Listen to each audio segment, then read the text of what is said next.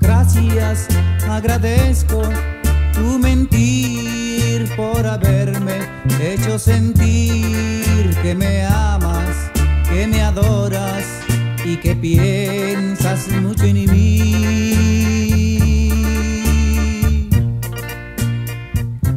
Mijn filmliefde begon ooit in de bioscoop en dat is wat mij betreft nog steeds de meest magische plek om een film te gaan kijken.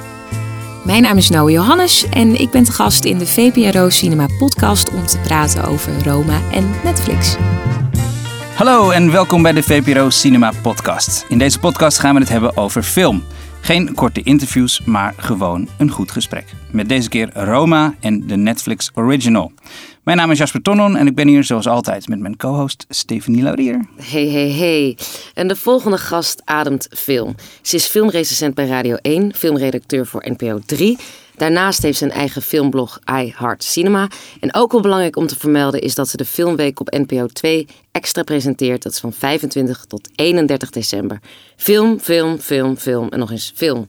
Welkom, Noah Johannes. Hi, wat, Hey. wat een fijne introductie. Ja, fijn. Klopt allemaal, toch? Welkom. Ja, als je dan zo van een ander hoort, denk je: wow, ik Ja. doe inderdaad echt heel veel met film. Heel veel. Nou, dus Ja. goed dat je er bent. Perfecte gast. Ja, ja. Eh, we gaan het vandaag hebben over Roma. Dat is een nieuwe film van de Mexicaanse filmmaker Alfonso Cuarón. Die we natuurlijk kennen van de prachtige films als Y tu mama tambien, Children of Man en Gravity. Roma is Cuaróns ode aan het kindermeisje uit zijn jeugd. En dat is in prachtig zwart-wit. En Roma is dus de, een Netflix original. Wat betekent dat het een film is die door Netflix eh, is geproduceerd. Maar in tegenstelling tot het overgrote deel van de Netflix-films, komt Roma ook in een beperkt aantal zalen eh, in de bioscoop.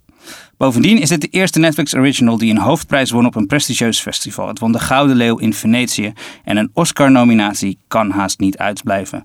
Genoeg om over te praten dus. En dat doen we weer aan de hand van drie stellingen. ja. Maar eerst moet jij nog even iets zeggen, Jasper. Ja, Ja. ik moet er even bij zeggen, we gaan het dus vandaag hebben over Netflix en Netflix Originals en Netflix eh, strategie en zo. Ik heb eh, drie jaar lang voor Netflix gewerkt. Ehm, Maar ik denk dat ik er eh, objectief genoeg over kan praten. Maar voor de volledigheid moet ik het wel even gezegd hebben. Oké, goed dat je het zegt. Ja. Goed, heel eerlijk. Ik weet ja. tegen wie ik het opneem. Ja, ja. ja, dan gaan we naar de eerste stelling. Ehm, als filmliefhebber moet je Roma absoluut in de bioscoop zien. Zie. Ja. Ja? Oh, kijk, Zeker. Ja, nee, ja, ja, ja, ja. Ik, heb, ik moet zeggen dat ik eh, ergens in de afgelopen weken, want daar gaat iemand me zeker weten op attenderen, weet ik nu al, heb ik een, een berichtje gedeeld van, van IndieWire, eh, de, website met allerlei toffe filmrecensies en zo, Ehm, waarin ze een, eh, in een artikel beschreven hoe je Netflix het beste op tv kon kijken. Ik heb hem dus gedeeld, omdat ik dacht, je zult inderdaad, of hoe je Roma het beste op Netflix kan kijken. En ik heb hem gedeeld, omdat ik dacht, er zullen toch mensen zijn Tuurlijk, die hem op ja. televisie gaan kijken. Ja. Nou, kijk hem dan in ieder geval met deze aanwijzingen. Maar eigenlijk had ik er meteen weer spijt van. En toen heb ik een kwartier later toch weer aan toegevoegd. Maar kijk hem toch Ja. in godsnaam gewoon in de bioscoop. Maar wat, wat stond er dan, dan bij qua tips? Nou, ze hadden gewoon een aantal tips van eh, bepaalde functies die je dan best even uit kan zetten voor optimaal geluid en dat Oh soort dingen. En eh, aan de ene kant dacht ik, nou, misschien help ik er dan een aantal mensen mee in hun kijkervaring, de kijkbeleving. Maar ik, wat ik zeg, ik had meteen weer spijt. Want ik dacht, nee, dit voelt niet Ja, goed. ja, ja, ja. We moeten naar de bioscoop. Maar hij draait maar in één zaal in Nederland. Hè? Is het, is het Het is echt alleen nog in één? AI. Ja, en in Oh, begin toch 2019 komen er een paar zalen bij. Kino en eh Filmhuis Den Haag gaat, Ja. gaat hem ook draaien. Ja.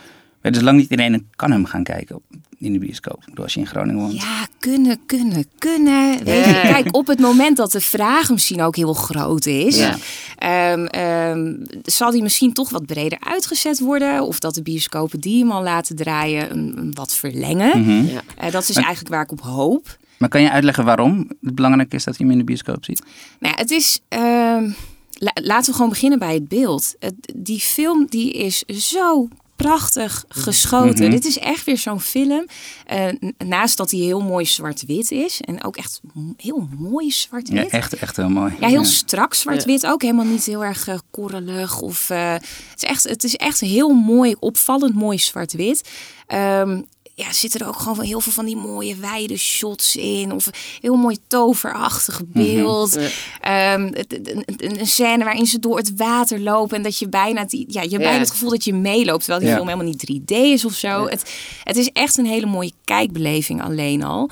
Ja, en waar komt die het beste tot zijn recht? In een filmtheater. En het geluid is ook heel belangrijk. Hè? Cuaron is altijd, het Precies. sounddesign is bij hem altijd heel belangrijk. Ja. Deze film heeft hij ook, wilde hij eigenlijk alleen maar in Dolby Atmos zalen uitbrengen. Mhm. Omdat je dan het geluid aan alle kanten langs je eh, en achter je hoort. Ja, Maar in Nederland draait hij dus niet in Dolby Atmos zalen. Dus dat kan je niet zien. Maar alsnog, het geluid is wel heel belangrijk. En als je naar thuis kijkt, is dat anders. En ook, ik denk dat heel veel mensen op hun laptop gaan kijken. En zelfs misschien wel mensen op hun telefoon Kijk, gaan en kijken. daar ben ik dus inderdaad bang voor. Ja. Want het, er zullen genoeg mensen zijn die ook de hele reuring en de aanloop... want er is natuurlijk al heel veel om de Mhm. film te doen Ja. geweest... nog lang voordat hij te zien was.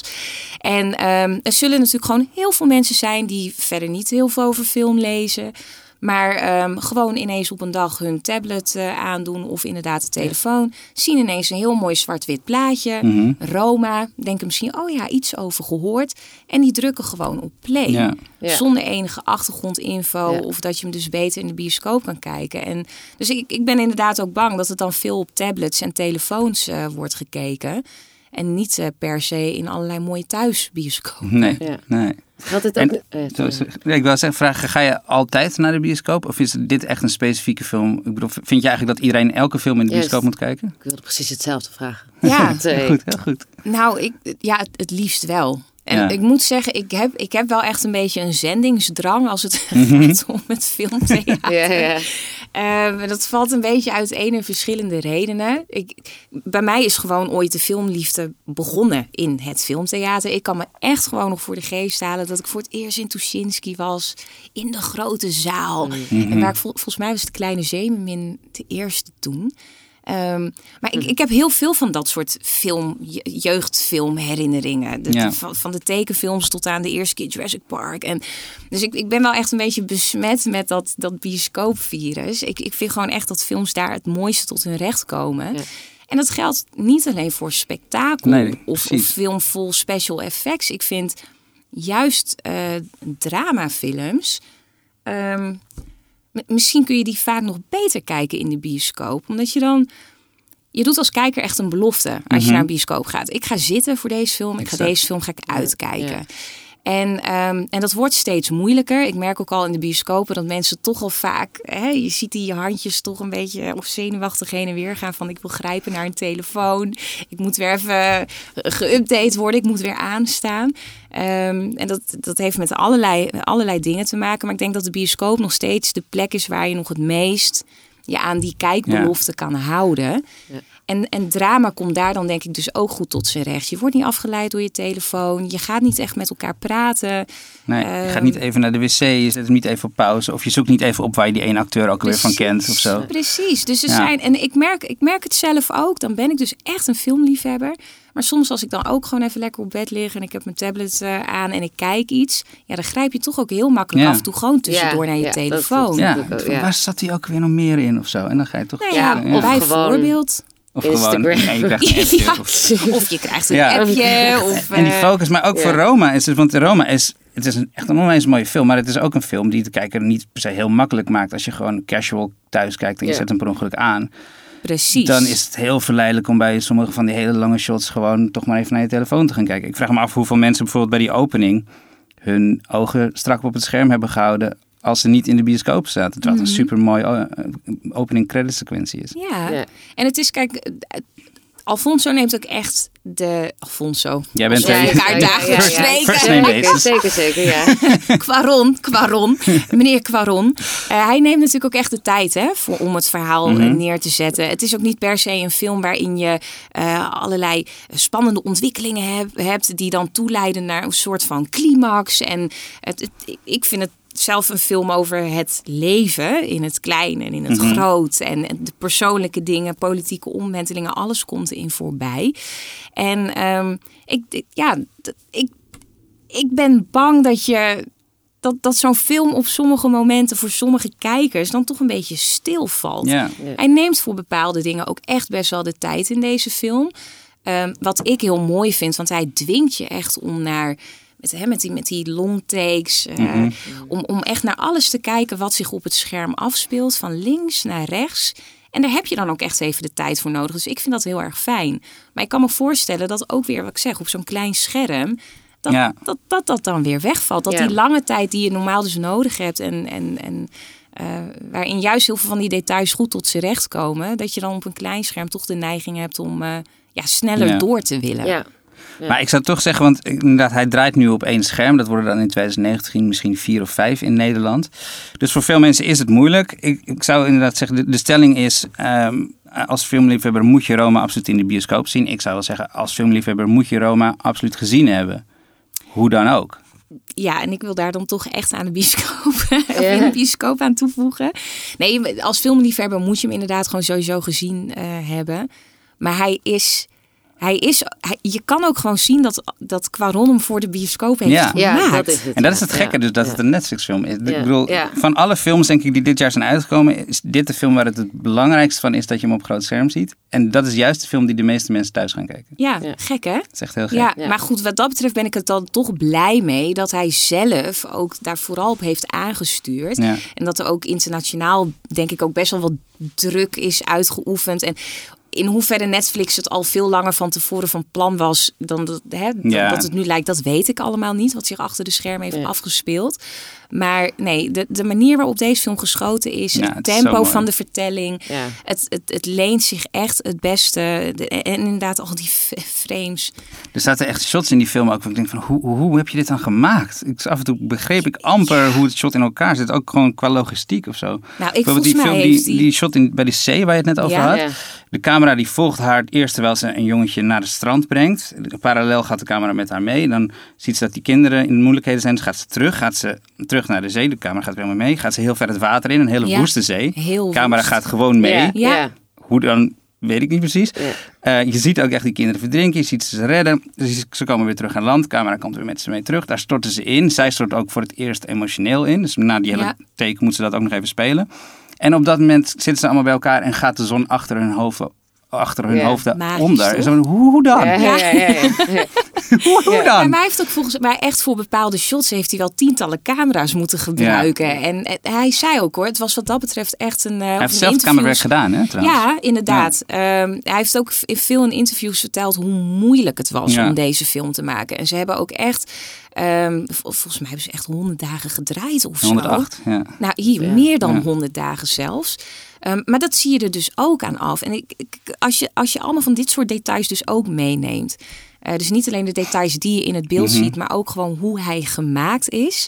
Ja, dan, Ja. dan wil je dat toch gewoon kijken op de meest mooie. Totaal. to- ja. het precies. Ja. Gewoon de meest indrukwekkende. En Maar, het zo, maar kijk, er zijn natuurlijk heel veel films die je graag op groot scherm ziet. En die eh, al voor ons bijvoorbeeld te oud zijn. En die kun je sowieso nooit meer op een groot scherm zien. Eh, Ik bedoel, als nou ja, of je moet wachten tot er weer eens een re-release komt of zo. Of af en Ja, toe. er zijn op zich wel wat filmtheaters die zich steeds meer specialiseren in het Ja. eh, vertonen van eh, nou ja, classics of de wat meer recente Mhm. klassiekers tussen aanhalingstekens.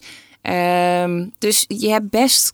Bij, ja, je hebt met steeds meer films heb je wel de kans om ze dan alsnog in de bioscoop Ja. te gaan kijken.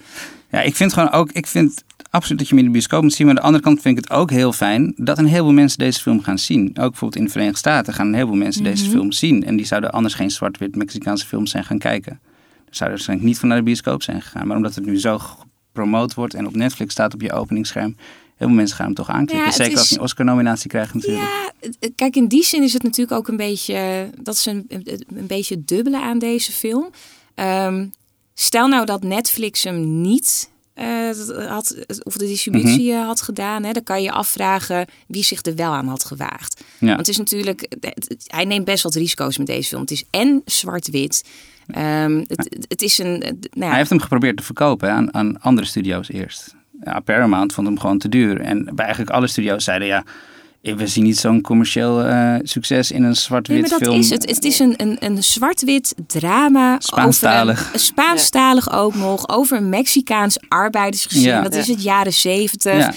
Ehm, een film... Netflix was gewoon de enige die wilde. Nee, maar dat is het. Dus, en dat is ook het dubbele. Aan de ene kant kun je dan heel blij zijn Ja, dat hij zo via Netflix eh, is uitgebracht. En tegelijkertijd is het Ja. wel gewoon... Hij heeft hem ook echt zo gemaakt alsof hij hem voor het grote scherm heeft gemaakt. Ja. Ja. Misschien moet hij gewoon stiekem al geweten hebben dat hij dat toch wel er doorheen zou krijgen. Of, eh. Dus Maar Netflix had ook, maar daar kunnen we zo ook misschien nog verder over praten bij de volgende stelling. Maar Netflix had natuurlijk ook gehoopt, denk ik, om het veel meer schermen uit te brengen. Maar de meeste bioscopen wilden het niet, want hij is tegelijkertijd streaming te zien. ja, dus wat Dus- gaan ze eraan verdienen? Ja, precies. Omdat eh, toch dan veel Ja. mensen hem thuis kijken. Ja. Ja, dus dan moet je hem eerder in de bioscopen laten zien, maar dat is ook weer gek. Maar daar gaat de tweede stelling over. Dus Mhm. dan gaan we daar gelijk in door, als je het goed vindt. Eh, tweede stelling. Netflix zou al hun belangrijke eigen producties eerst enkele weken in de bioscoop moeten uitbrengen, voor ze op Netflix aan te bieden. Nou ja, goed, dat is het hele punt. Dat zit je ook weer voor en tegen. Ik betaal als eh, abo- Mhm. abonnementhouder betaal ik natuurlijk gewoon. Ja. Verdomme. Eh, Dus eh, ja, daar heb ik Ja. natuurlijk ook wel een bepaalde recht op. Dus daar, ik vind het een beetje een lastige stelling. Maar tegelijkertijd snap ik natuurlijk dat eh, het hele kwestie van je moet er geld aan verdienen voordat je het natuurlijk. eh, hè, het is eerst in de bioscoop, dan verdien je wat aan en dan kan je het weer op Netflix uitbrengen. Dus wat is. Kijk, ik persoonlijk zou het niet erg vinden als dat zou gebeuren. Maar ik snap wel dat daar Ja, voor, tegens, tegens. vind het ook heel lastig, eh, Ja. dubio. eh, ja. als filmliefhebber zou ik het heel fijn vinden om die films eerst in de bioscoop te zien. Maar ik snap heel goed dat Netflix dat niet wil. En ik snap ook dat het heel moeilijk te verkopen is aan Ja. de abonnees van Netflix. Ja. Die al geld hebben betaald en dan nog een bioscoopkaartje moeten betalen om de film eerder te zien. Ja, Dat- maar dat, want, dan kan je het eerder zien. Kijk, en heel veel mensen gaan natuurlijk waarschijnlijk ook denken, waardoor er ook niet meer veel mensen Nee. naar de bioscoop gaan, dat ze natuurlijk allemaal gaan denken, ja, die komt dan toch zometeen eh over een paar weken weer uit. Dus dan kan ik net zo goed thuis blijven en Ja. lekker op mijn tablet kijken. Maar tegelijkertijd uitbrengen zou ik wel een optie vinden. Dan kan je gewoon kiezen. Ik Ja. wil hem in de bioscoop zien of ik wil hem thuis zien. Maar dan moeten de Ja. bioscopen dus meewerken. Want bioscopen weigeren over het algemeen, vooral in Amerika dan, om de Netflix films te draaien, omdat ze tegelijkertijd streaming worden aangeboden. Maar dat is echt zo'n zo'n gedrag uit angst of zo, een keuze uit angst. Ze zijn Ja. bang dat ze streaming niet aankunnen. Dat, dat ze de das om gaat doen uiteindelijk. Net zoals ze bang waren dat tv's ze de das om zou doen en later dat video's ze de das om zou doen. Dat is allemaal niet gebeurd. Ja, het is, ja, ja, ja, Ja. en nee, denk ik. Kijk, er zijn natuurlijk wel gewoon bioscopen die in de, even, gewoon even heel breed Mhm. gezien, wel last hebben van de, de VOD-concurrent. Ja. Ik bedoel, het, is Ja, een tuurlijk, concurrent. ja. En nu ineens moet je dan dus naar een soort van model waarin je, eh, waar, waarin je het dus eigenlijk samen gaat doen. Je gaat samenwerken. Mhm. Ehm, kijk, als, ik, ik heb ook hoor, dat als filmliefhebber dat je in eerste instantie gewoon denkt, een goede film moet je kijken op de best mogelijke manier waar die film het beste tot zijn recht komt. Dat is in het filmtheater. Ja. Dat is gewoon de, biosco- de, de filmliefhebber in je. En tegelijkertijd weet je ook dat dit verhaal natuurlijk wel wat... Ja, het ligt allemaal niet zo simpel. Het is echt een stuk genuanceerder. Eh, we kunnen dus, als Netflix er niet was geweest, was een film als Roma er misschien niet geweest. Of Nee, waarschijnlijk niet. Zeker niet in deze vorm in ieder geval. Precies, dus daar kun je dan wel- wel weer blij mee zijn. Ehm, je hebt natuurlijk ook gewoon weer dat heel veel van die films eh, weer aan heel veel voorwaarden moeten voldoen om bijvoorbeeld bij een Oscars in aanmerking Ja. eh, te komen. soort Geen bioscooprelease eh betekent volgens mij ook Eh, voor de Oscars moet je volgens mij één of twee weken achter elkaar in een theater in Los Angeles gedraaid Precies, en daar loop je ook weer tegenaan bij sommige filmfestivals.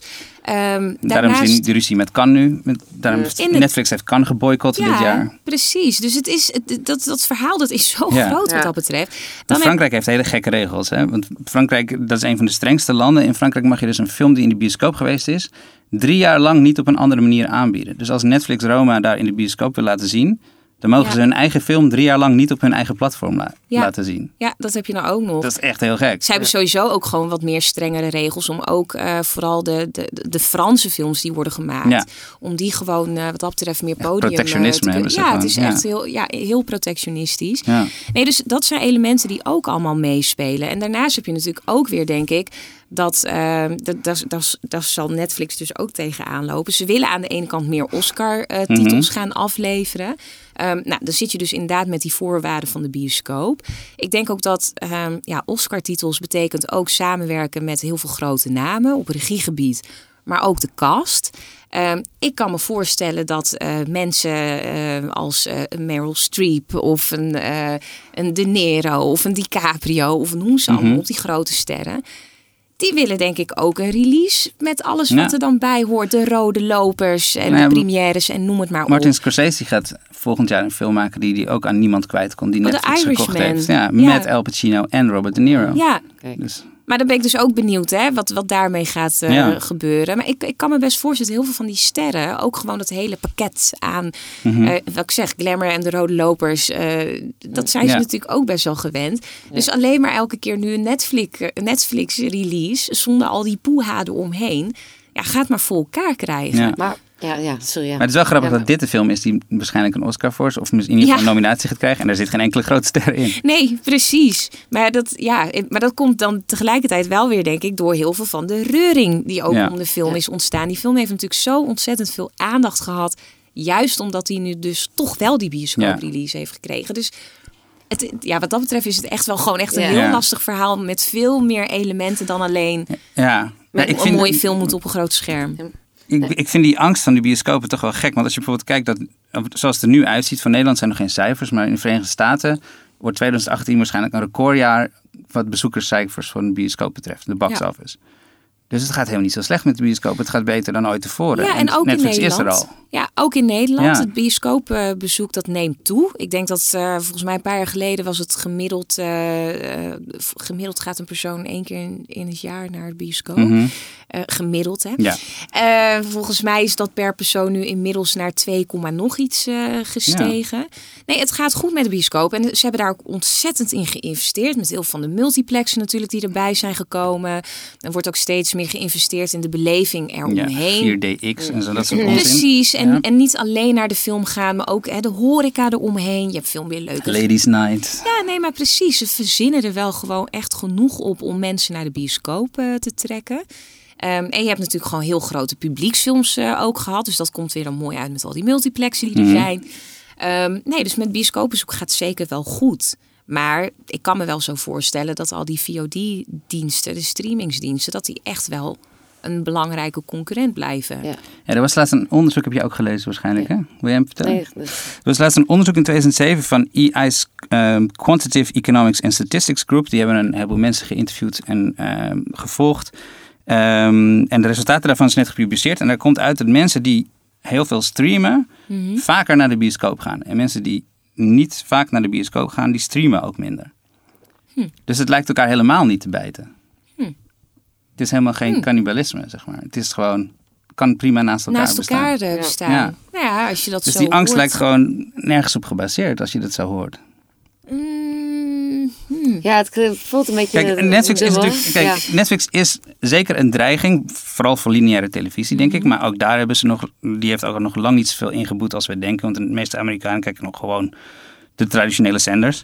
Ehm, en ik zou het mooi vinden als de bioscopen ook wat iets meer gaan vanuit, uitgaan van hun eigen kracht of zo. Meer in oplossingen denken in plaats van eh, elkaar boycotten en bevechten of zo. Zoals in Nederland is die site eh Pickle. Weet je, Ja. weet je wie die kent? Ja, Dat zijn een aantal eh, filmhuizen die brengen films die bij hun draaien. Tegelijkertijd bieden ze die uit. streaming aan Ja. voor ongeveer dezelfde prijs als je filmkaartje. ja.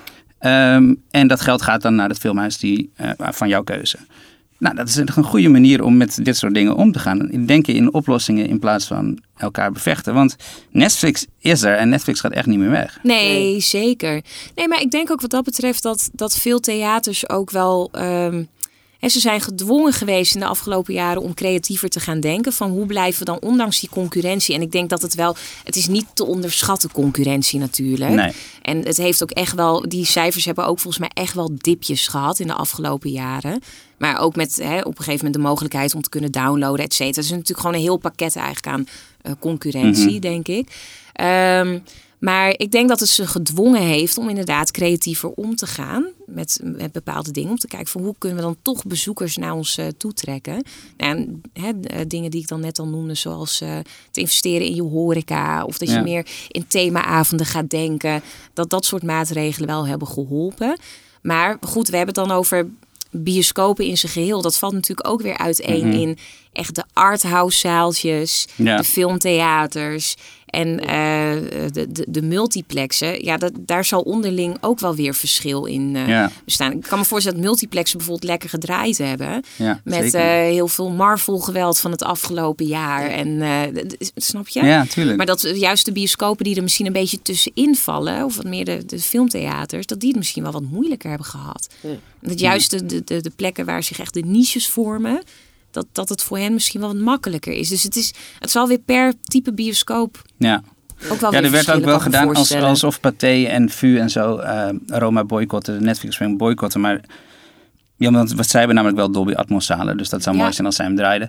Maar het is ook gewoon geen Pathé film. Dus ik denk ook Nee. als het niet van Netflix was geweest, hadden ze hem ook niet geprogrammeerd. Want Ja, maar- het want dat- past gewoon helemaal niet in hun, in hun soort films. Want dat is natuurlijk ook het ding, ook als filmmaker. Want hij krijgt zijn film dan niet verkocht. En uiteindelijk zegt Netflix jawel. En wij zijn allemaal over eens van, nou, dit is in principe niet echt een Netflix-film. Dit moet je eigenlijk zien in een bioscoop. Mhm. Dus wordt dat ook niet, dat is natuurlijk ook lastig als filmmaker. Dat je denkt van, nou, dit moet ik maken voor het grote doek. Niemand wil het. En dan komt Netflix en die zegt, hier heb ik heel veel geld. Heel veel geld. Maak het maar. Ja. Dus Ja. daar zit En precies natuurlijk zoals ook... jij het wil, want Juist. Netflix bemoeit zich ook niet met de inhoud Ja, van de nee. films. Snap je? Dus, dat. dus dat, dat houdt elkaar natuurlijk ook in Ja. stand. En dat is gewoon heel raar. Want ik ben ook van mening dat ik denk... ja, dit is gewoon een film. Dit moet je op groot scherm zien. Dit is niet een Netflix film. Nee. Maar toch de- koopt Netflix dit.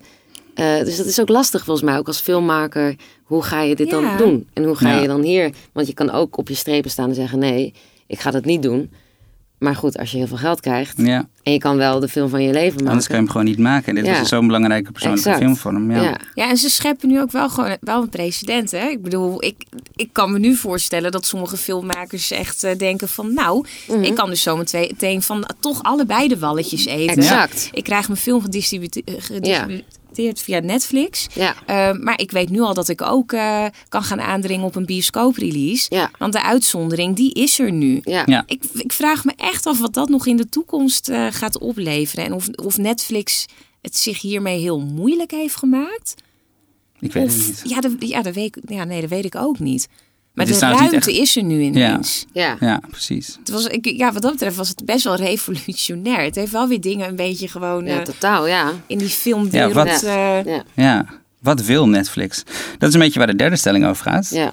Ehm, de derde stelling is: Roma is de eerste stap voor Netflix om de belangrijkste Amerikaanse filmstudio te worden. Nou, Jasper.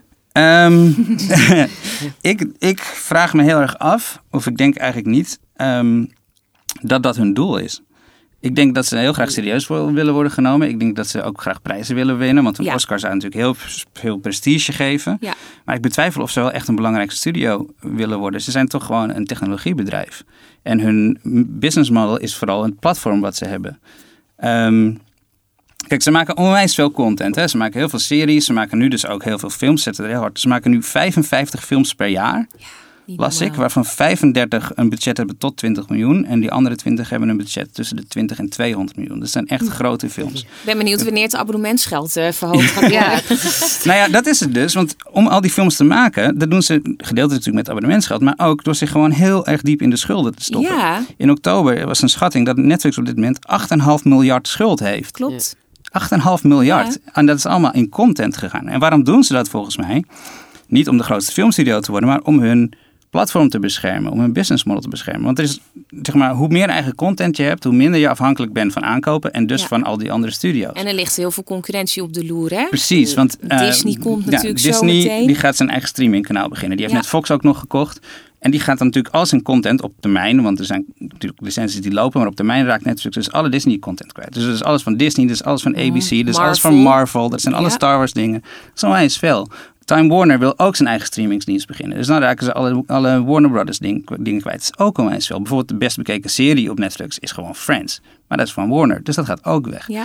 Dus zij moeten zorgen dat ze voor die Heel tijd veel zoveel content. content. hebben dat mensen op dat moment niet meer gaan switchen. Dat ze veilig zijn. Dat mensen niet gaan switchen naar Disney of naar Warner of naar Apple als die ooit in de markt stapt. Want die hebben zoveel geld, dan is het helemaal gevaarlijk als die echt serieus beginnen natuurlijk. ja.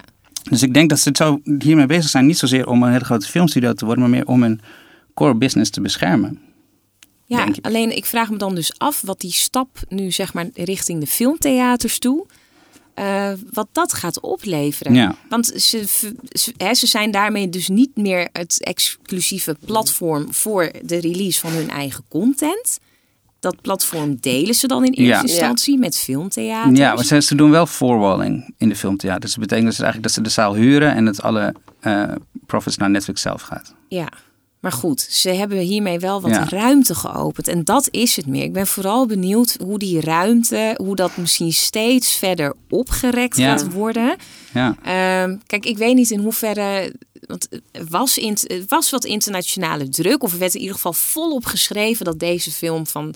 Of eh, dat Roma Mhm. echt in dat filmtheater terecht moest komen. Alfonso Cuaron heeft daar zelf ook heel erg op gehamerd. Ja. Ehm, ik, ik, weet, ik weet niet in hoeverre dat voor Netflix überhaupt ooit echt, echt een heel groot euvel is geweest. Of dat, dat ze misschien echt van tevoren al wisten van dit zou er wel eens eentje kunnen zijn waarbij we onze strategie moeten gaan aanpassen. Ja, ik denk dat het echt heel erg voor de Oscar-strategie is. Dat Ja. als je alleen maar die twee weken doet in Los Angeles alleen maar om te kwalificeren, dan word je alsnog niet serieus genomen voor een Oscar-nominatie. En Ja. nu, nu is het gewoon een wereldwijde release. Nu moet die serieus genomen worden. Ja. Zou je dan liever gewoon willen dat dan Netflix gewoon het houdt waar ze er nu mee bezig zijn? Dus dat, dus dat al die grote films, dat het losstaat van Netflix. Dus dat Netflix gewoon blijft zoals het is. Hmm, Want ik snap ook dat zij natuurlijk ook in beweging zijn en groter willen worden en, en willen experimenteren. ik vind het een beetje dubbel. Kijk, ik heb me wel eens, ehm, of ik heb wel eens de opmerking gemaakt dat ik echt voor goede films niet naar Netflix eh, keek. Dat ik echt het aanbod ook wel eens vond tegenvallen. En nu is dat op een gegeven moment is dat, is dat best wel een beetje verbeterd. En hadden ze ineens eh, echt wel wat meer, eh, nou ja, laten we zeggen, titels die eh, in de top 20 eh, voorkomen van, eh, van IMDb bijvoorbeeld. De beste, Mhm. hè, de beste films. Ehm, toen vond ik dat aanbod echt wel een beetje verbeteren. Maar nog steeds was Netflix voor mij niet de plek voor films. Series Ja. wel, films echt Maar dat was ook niet. echt een Ja. strategie. En nu zijn ze veel meer op films aan het inzetten. Ja, Ja. nee, inderdaad. Alleen ehm, als je dan tegelijkertijd ook iemand bent die de, de meeste films, zo niet alle films, het beste tot hun recht vindt komen op het grote doek. Ja, Ja, wat heb je daarna? en- maar dat Ja. is het. Ik sloeg, Netflix, ik sloeg Netflix als platform toch al heel vaak over als het om films gaat. Ja. Dus voor mij als liefhebber en als bezoeker maakt het denk ik niet echt heel erg veel uit. Nee. Nee. Dat, dat niet. Alleen op het moment dat de situatie dus zo is dat sommige eh, filmmakers en dan helemaal eh, van eh, het, het niveau van een Quaron bijvoorbeeld, dat die gewoon hun, hun films, hun, prachtige content alleen via Netflix weg kunnen zetten. Ja, dat, dat, daar, daar ben ik een beetje bang voor. Dat Ja. dat, dat, dat gaat gebeuren. Dat heb ik dan nog Ja. eerder. Dat Ja. denk ik ook. En daarom ben ik dus, ik ben heel blij met, met deze stap. Dat ik in ieder geval de mogelijkheid heb om zo'n film dan toch in, eh, in het filmtheater te kunnen Ja. zien. Maar ik zou tegelijkertijd dus ook zonde vinden als, als een van de gevolgen van deze stap is. Dat steeds meer makers zich gaan richten tot Netflix. Ja. Ja. Eh, Dat, dat maar gaat dit- wel gebeuren. Dat Maar is, Cuarón eh, heeft ook gezegd dat hij juist heel blij is met dat distributiemodel van Netflix. Want hij denkt dat er nu daardoor ook veel meer diversiteit terug kan komen, terug kan komen in de cinema. Hij zei, zo'n film als ik heb gemaakt, een Spaanstalige film, Ja. die had normaal gesproken nooit zo wereldwijd uitgebracht. Nee. Die had dan misschien in een paar landen, natuurlijk Zuid-Amerika uitgebracht, maar had misschien in Nederland niet eens een release gekregen. Nu is hij gewoon overal in 196 landen te zien. ja, hij is- Ja. en hij is gewoon blij dat hij gewoon die film natuurlijk mag maken. Ja. Ja, ik bedoel, natuurlijk. Dat, dat, dat vind ik ook. Maar ja, dus het, het maakt ook internationaal kijken of zo. Kijk, in Nederland kijken we toch al best wel veel internationale films. In Amerika kijken de meeste mensen gewoon Amerikaanse films of Engelstalige films. Netflix maakt het allemaal wel makkelijker. Ja. Ze hebben bijvoorbeeld ook, dat is dan een aankoop, maar ze hebben Girl aangekocht van Lucas Dont. Oh, Ja. En de andere beste film van eh, 2018. Ehm, die, is dus, die gaan ze wereldwijd distribueren. Ehm, dus heel veel mensen krijgen de mogelijkheid om die film te zien. Dat is natuurlijk onwijs goed voor Lucas Dont. Zeker als hij straks een Oscar-nominatie krijgt, waar ik wel voor hoop, komt hij heel prominent op hij de Netflix voorpagina te staan. afgevallen. Echt Hij waar? staat volgens mij niet meer op de laatste Niet meer op de shortlist? Oh, Sorry jammer. dat ik nu even Jammer, jammer, jammer. Het is dit mooie slechte film. nieuwtje deel. Maar alsnog is het eh, heel goed voor hem. Dat, en Ja, een, zeker. een Nederlandstalige, Franstalige film wordt gewoon steeds meer gekeken. Amerikanen krijgen een soort eh, nieuwe filmonderwijs door Netflix. Mhm. Ze krijgen gewoon veel meer opties om niet-Amerikaanse content te kijken. Dus, dus, dus dan voor een groot deel is het dan heel fijn dat, Ja. dat heel veel mensen dat kunnen zien. Maar voor de echte filmliefhebbers. eh, Ja, ik weet niet. De films worden wel gewoon gemaakt. Weet Ja. je wel? Het, oh ja, het Snap is zo je? dubbel. Ja. Dus je hebt aan de- Ja. ja. nee, precies. Want aan de wat, ene wat kant, jij bent gewoon echt een filmliefhebber. Dus jij zegt, ik ga dit gewoon in bioscoop zien. Ik ga het niet op Netflix. Maar Jasper, jij, ik ben eventjes eh, hier Ja, ja, ja. En Ja. jij zegt van, ja, ik vind het juist wel goed... dat juist een heel groot deel van de mensen die allemaal naar Netflix kijken... ook dit soort films te zien krijgen. Ja. Dus dan hebben we het over kwaliteit, waar je dat dan ziet. Maar de film blijft in die zin hetzelfde. Ja, dus wij zijn zitten in een soort luxe positie om dan te zeggen... ja, maar op groot beeld... eh, En ik denk inderdaad echt, wat, wat, ik, wat we net ongeveer zeiden, ik denk dat als een drama bij een ander studio gemaakt was, dan was het een minder goede film geweest waarschijnlijk. Of in ieder geval een hele andere film. mhm. Want nu had Coron alle vrijheid om het te doen. Ander studio had hem nooit 108 dagen draaitijd, draaitijd gegeven bijvoorbeeld. Nee, maar dat, dat ja. En had eh, Dat is dus dat ook een aan happy dit. end moest hebben. Of, weet je wel? Ja, nee, inderdaad. Had hij misschien een hele andere Ja. kat eh, gekregen. Dit soort films en, worden wel gewoon gemaakt. En ook, weet je, Tamara Jenkins maakt voor het eerst in elf jaar weer een film. Weet je, daar ben ik ook blij om dat die gemaakt wordt. Ja, dat doet Netflix toch wel. Ja, nee, dat klopt. En daar, daar kan ik je ook geen ongelijk in geven. Wat ik wel dan weer merk, is dat ehm, het gaat beter met de bioscoopbezoeken. Mhm. Maar dat heeft denk ik dus voornamelijk met bepaalde films te maken. Grote- Echt gewoon grote de, namen. de grote publieksfilms inderdaad. En ik merk bijvoorbeeld, ik weet niet hoe het in jullie omgeving zit, maar ik merk in mijn omgeving dat het af en toe best lastig is om mensen te overtuigen om mee te gaan naar de bioscoop. En dat heeft dan toch deels te maken met het feit dat ze ook heel veel gewoon lekker thuis kunnen kijken. Ja. En ehm, oké, misschien gaat het nu dus gemiddeld genomen lekker met de bioscoopbezoeken, maar ik ben dan toch een beetje bang dat het steeds moeilijker gaat worden om mensen vooral naar de filmtheaters en, en, en eh, het arthouse eh, mee te krijgen. Ik, ik, Maar jij ik- zegt van dat het eigenlijk eh, elkaar juist versterkt. Nee, toch? dat, Dus ja, dat, onderzoek zijn in ieder Ja, geval dat de dus- mensen die meer ja. naar de bioscoop gaan ook meer streamen. Dus ja, dat- dat- maar op het ja. moment dat steeds, stel dat steeds meer filmmakers het dan toch via Netflix eh, Ja. weg kan zetten. Kijk, Ja. het wordt daardoor wel beperkt. Of tenminste de, de tijd waarin je je, kan je tijd film... maar één keer besteden. Dat is, Precies, en dat, dat wordt wel beperkt. En ik vraag me dan af wat dat op langere termijn... Kijk, misschien zit het nu nog Mhm. net op een goed punt.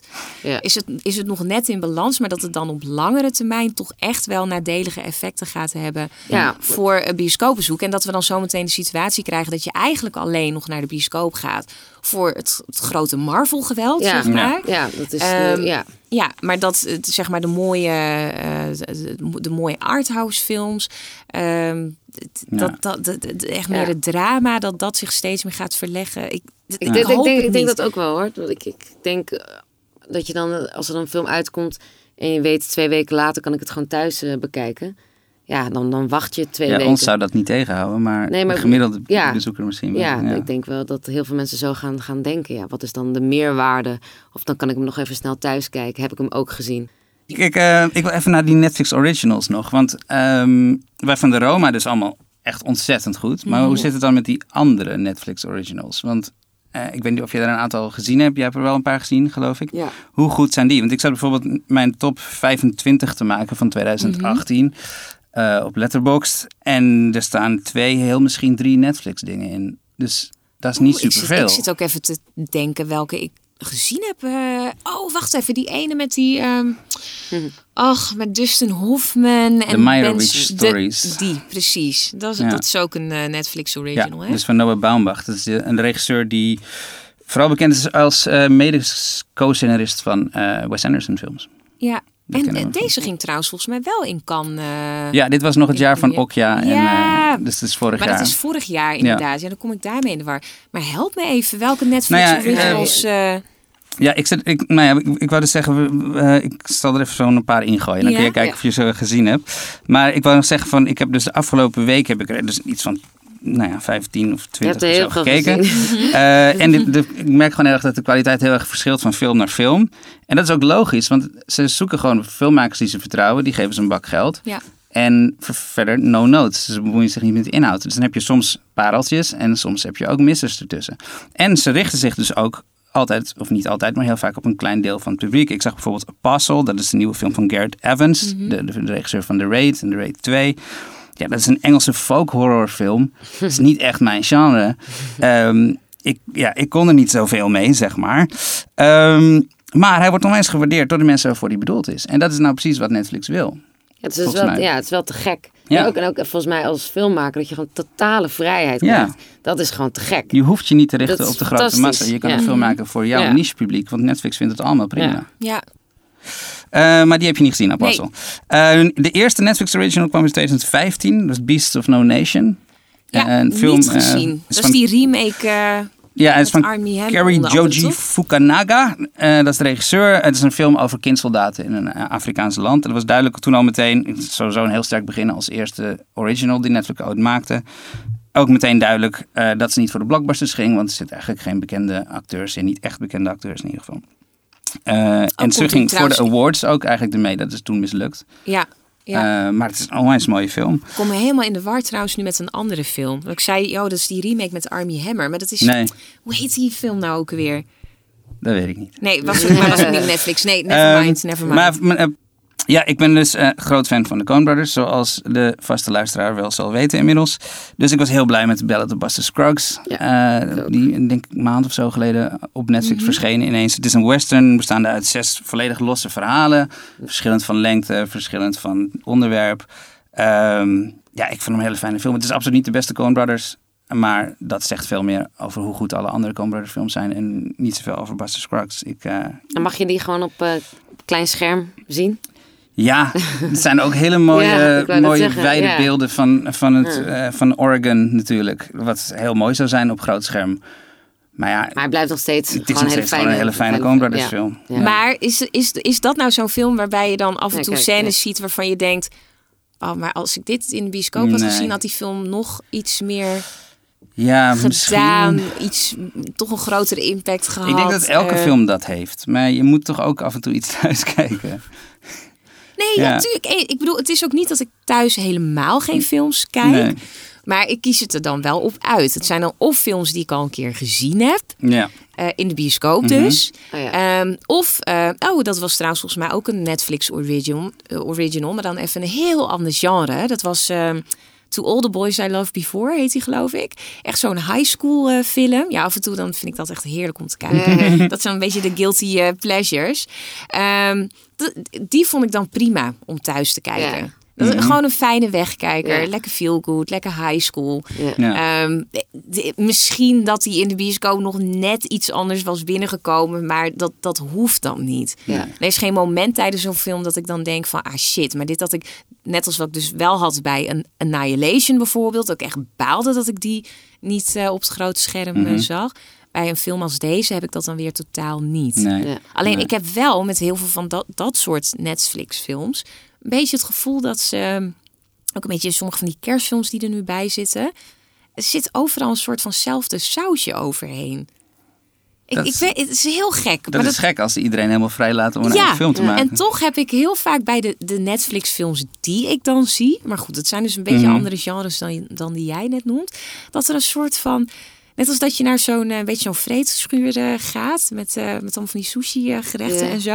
En je hebt het idee dat ze gewoon hetzelfde sausje over heel veel van die gerechten hebben gegooid. Het heeft allemaal een beetje iets van hetzelfde. Oh, en dat ja. heb ik met Oh, heel ja. veel van de Netflix-films die ik zie, een beetje hetzelfde.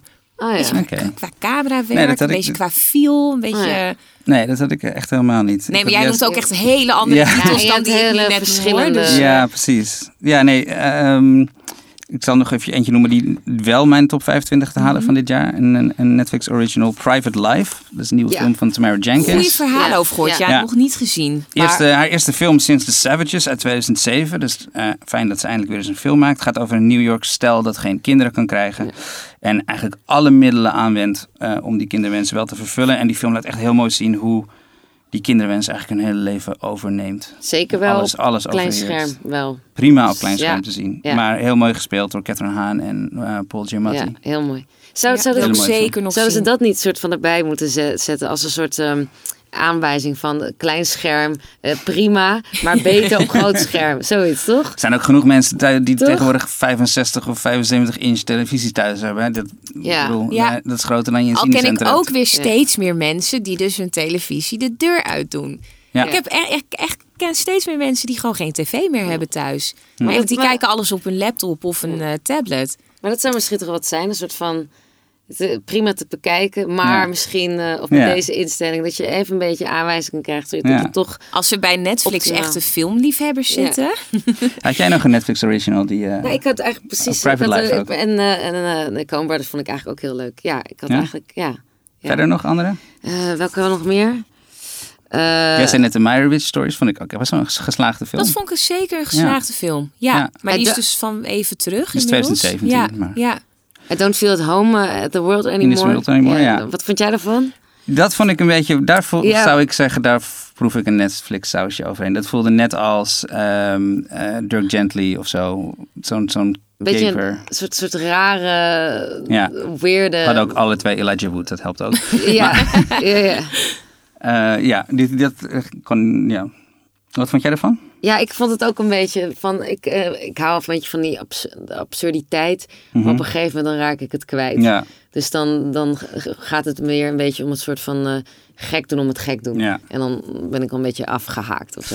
ik zag nog de, ehm, de 20, Ja. 22nd July Ja, van Paul Greengrass. dat is eh, een verfilming, of een verfilming, een, een, ehm, in- ja, geïnspireerd op de gebeurtenissen rond het eiland Utøya.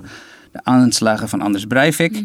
Ehm, ik vond hem eigenlijk helemaal niet zo geslaagd. Niet, niet zo'n geslaagde poging. En ook vooral omdat er gewoon al een hele goede versie is. Namelijk er- 22 ja. juli van Erik Poppen. ja. Is echt een meesterwerk. En die is ook dit jaar uitgekomen. Ja. Ja, die vergelijking kon Greengrass ook al nooit meer winnen natuurlijk. Nee. Ik zou zeggen, eh, kijk vooral gewoon de Noorse versie, want die is veel beter.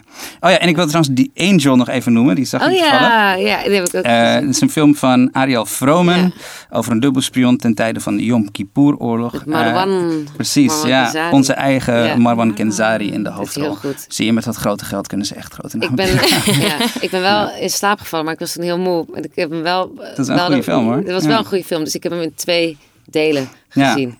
Dus het lag niet aan jou, Marwan. Echt niet. Nee. Ik besef echt nu hoe weinig Netflix originals ik gekeken heb. Ja. Heb je, eh, ja. denken, misschien heb je de First Ja, Killed zat My gewoon Father hier, ik zat heel veel, heel veel in de bioscoop. Ja, Heb je die Angelina Jolie film gezien? First They Killed My Father. Nee, ook niet. Over me- kam- normale mensen in Cambodja tijdens de Rode Khmer. Nee, niet gezien. Ook niet. Hoor nu dan. wel, Ook ik ja, moet, ja. nee, heb ik ook niet gezien. Heb nee. je gezien? Ook juist de grote reden voor de, de, de, de, de ruzie met Kan. Waarom Netflix nu kan boycott. Ja, ik heb hem gezien. Ja, wat vond Wat jij vond jij ervan?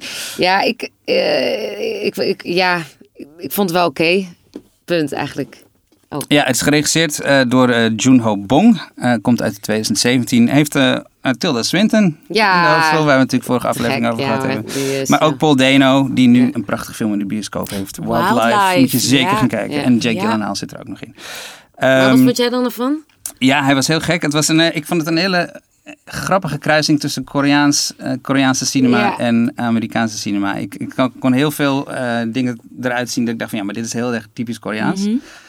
Maar het was toch ook een Amerikaanse film. Ja, er Dus zit een Het soort- was een hele rare combo. En er zit een soort, ook een soort switch in. Op een gegeven moment Ja. een soort... Dus, Maar wel een hele interessante film. ja, interessant. Nou ja, ik moet zeggen, ik hoor wel titels voorbij komen waarvan Mhm. ik denk, nou misschien zometeen lekker tijdens de vrije dagen.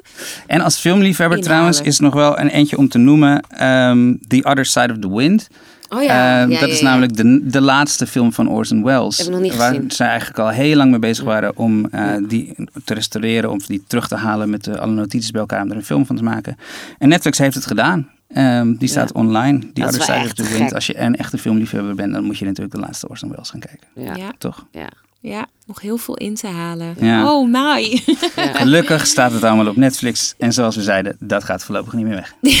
Yay! Oké, eh, we eindigen de uitzending altijd met de favoriete filmmuziek van onze gast. Ja, mijn hemel.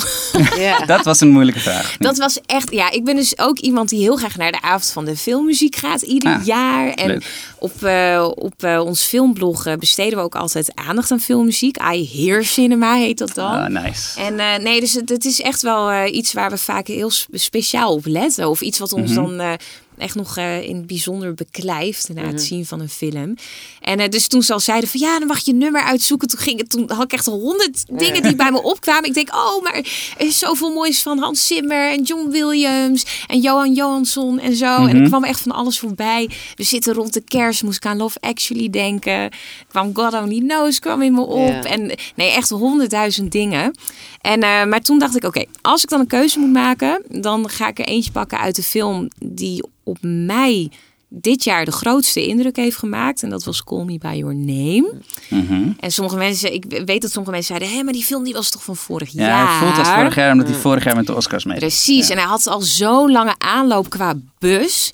Maar hij kwam natuurlijk eh, dit jaar pas in de Nederlandse Ja. bioscoop. En toen dacht ik, nou weet je wat, als ik er dan toch één moet kiezen, dan haal ik daar een nummer uit. Ik vond echt die soundtrack, vond ik zo'n mooi extra personage in de film. Zonder dat het het, het verhaal in de weg zat. En dat vind ik heel knap, dat je dan die balans eh, weet eh, te vinden. Ja. En eh, nou ja, Mystery of Love, die was geloof ik al een keertje genoemd. Ja, die had eh, Maarten volgens mij gekozen. Ja. Ja, en toen dacht ik, nou, dan, eh, dan ga ik voor Visions of Gideon. Van Sufjan. Sufjan Stevens. Ja. Ja. Daar gaan we zo naar luisteren. Eh, bedank ik jou voor je komst. graag Ja, gedaan. dankjewel. Ehm, dit was voorlopig de laatste aflevering van de VPRO Cinema Podcast. Eh, wij vonden het echt heel erg leuk en speciaal om deze podcast de afgelopen anderhalf jaar voor jullie te mogen maken. We hebben er heel veel plezier in gehad. Toch? Zeker, zeker. Heel erg leuk. Eh, Wij zijn even weg, maar hou deze plek vooral in de gaten. We gaan zo luisteren naar Sufjan Stevens. Eerst kan ik nog even zeggen dat als je meer wil weten over de podcast, kan je kijken op vpro.nl slash cinemapodcast. En als je vragen hebt, kan dat op cinemapodcast.vpro.nl. Dit is Sufjan Stevens met Visions of Gideon. Tot ziens. I have loved you for the last time. Is it a video? Is it a video? I have touched you for the last time. Is it a video? Is it a video?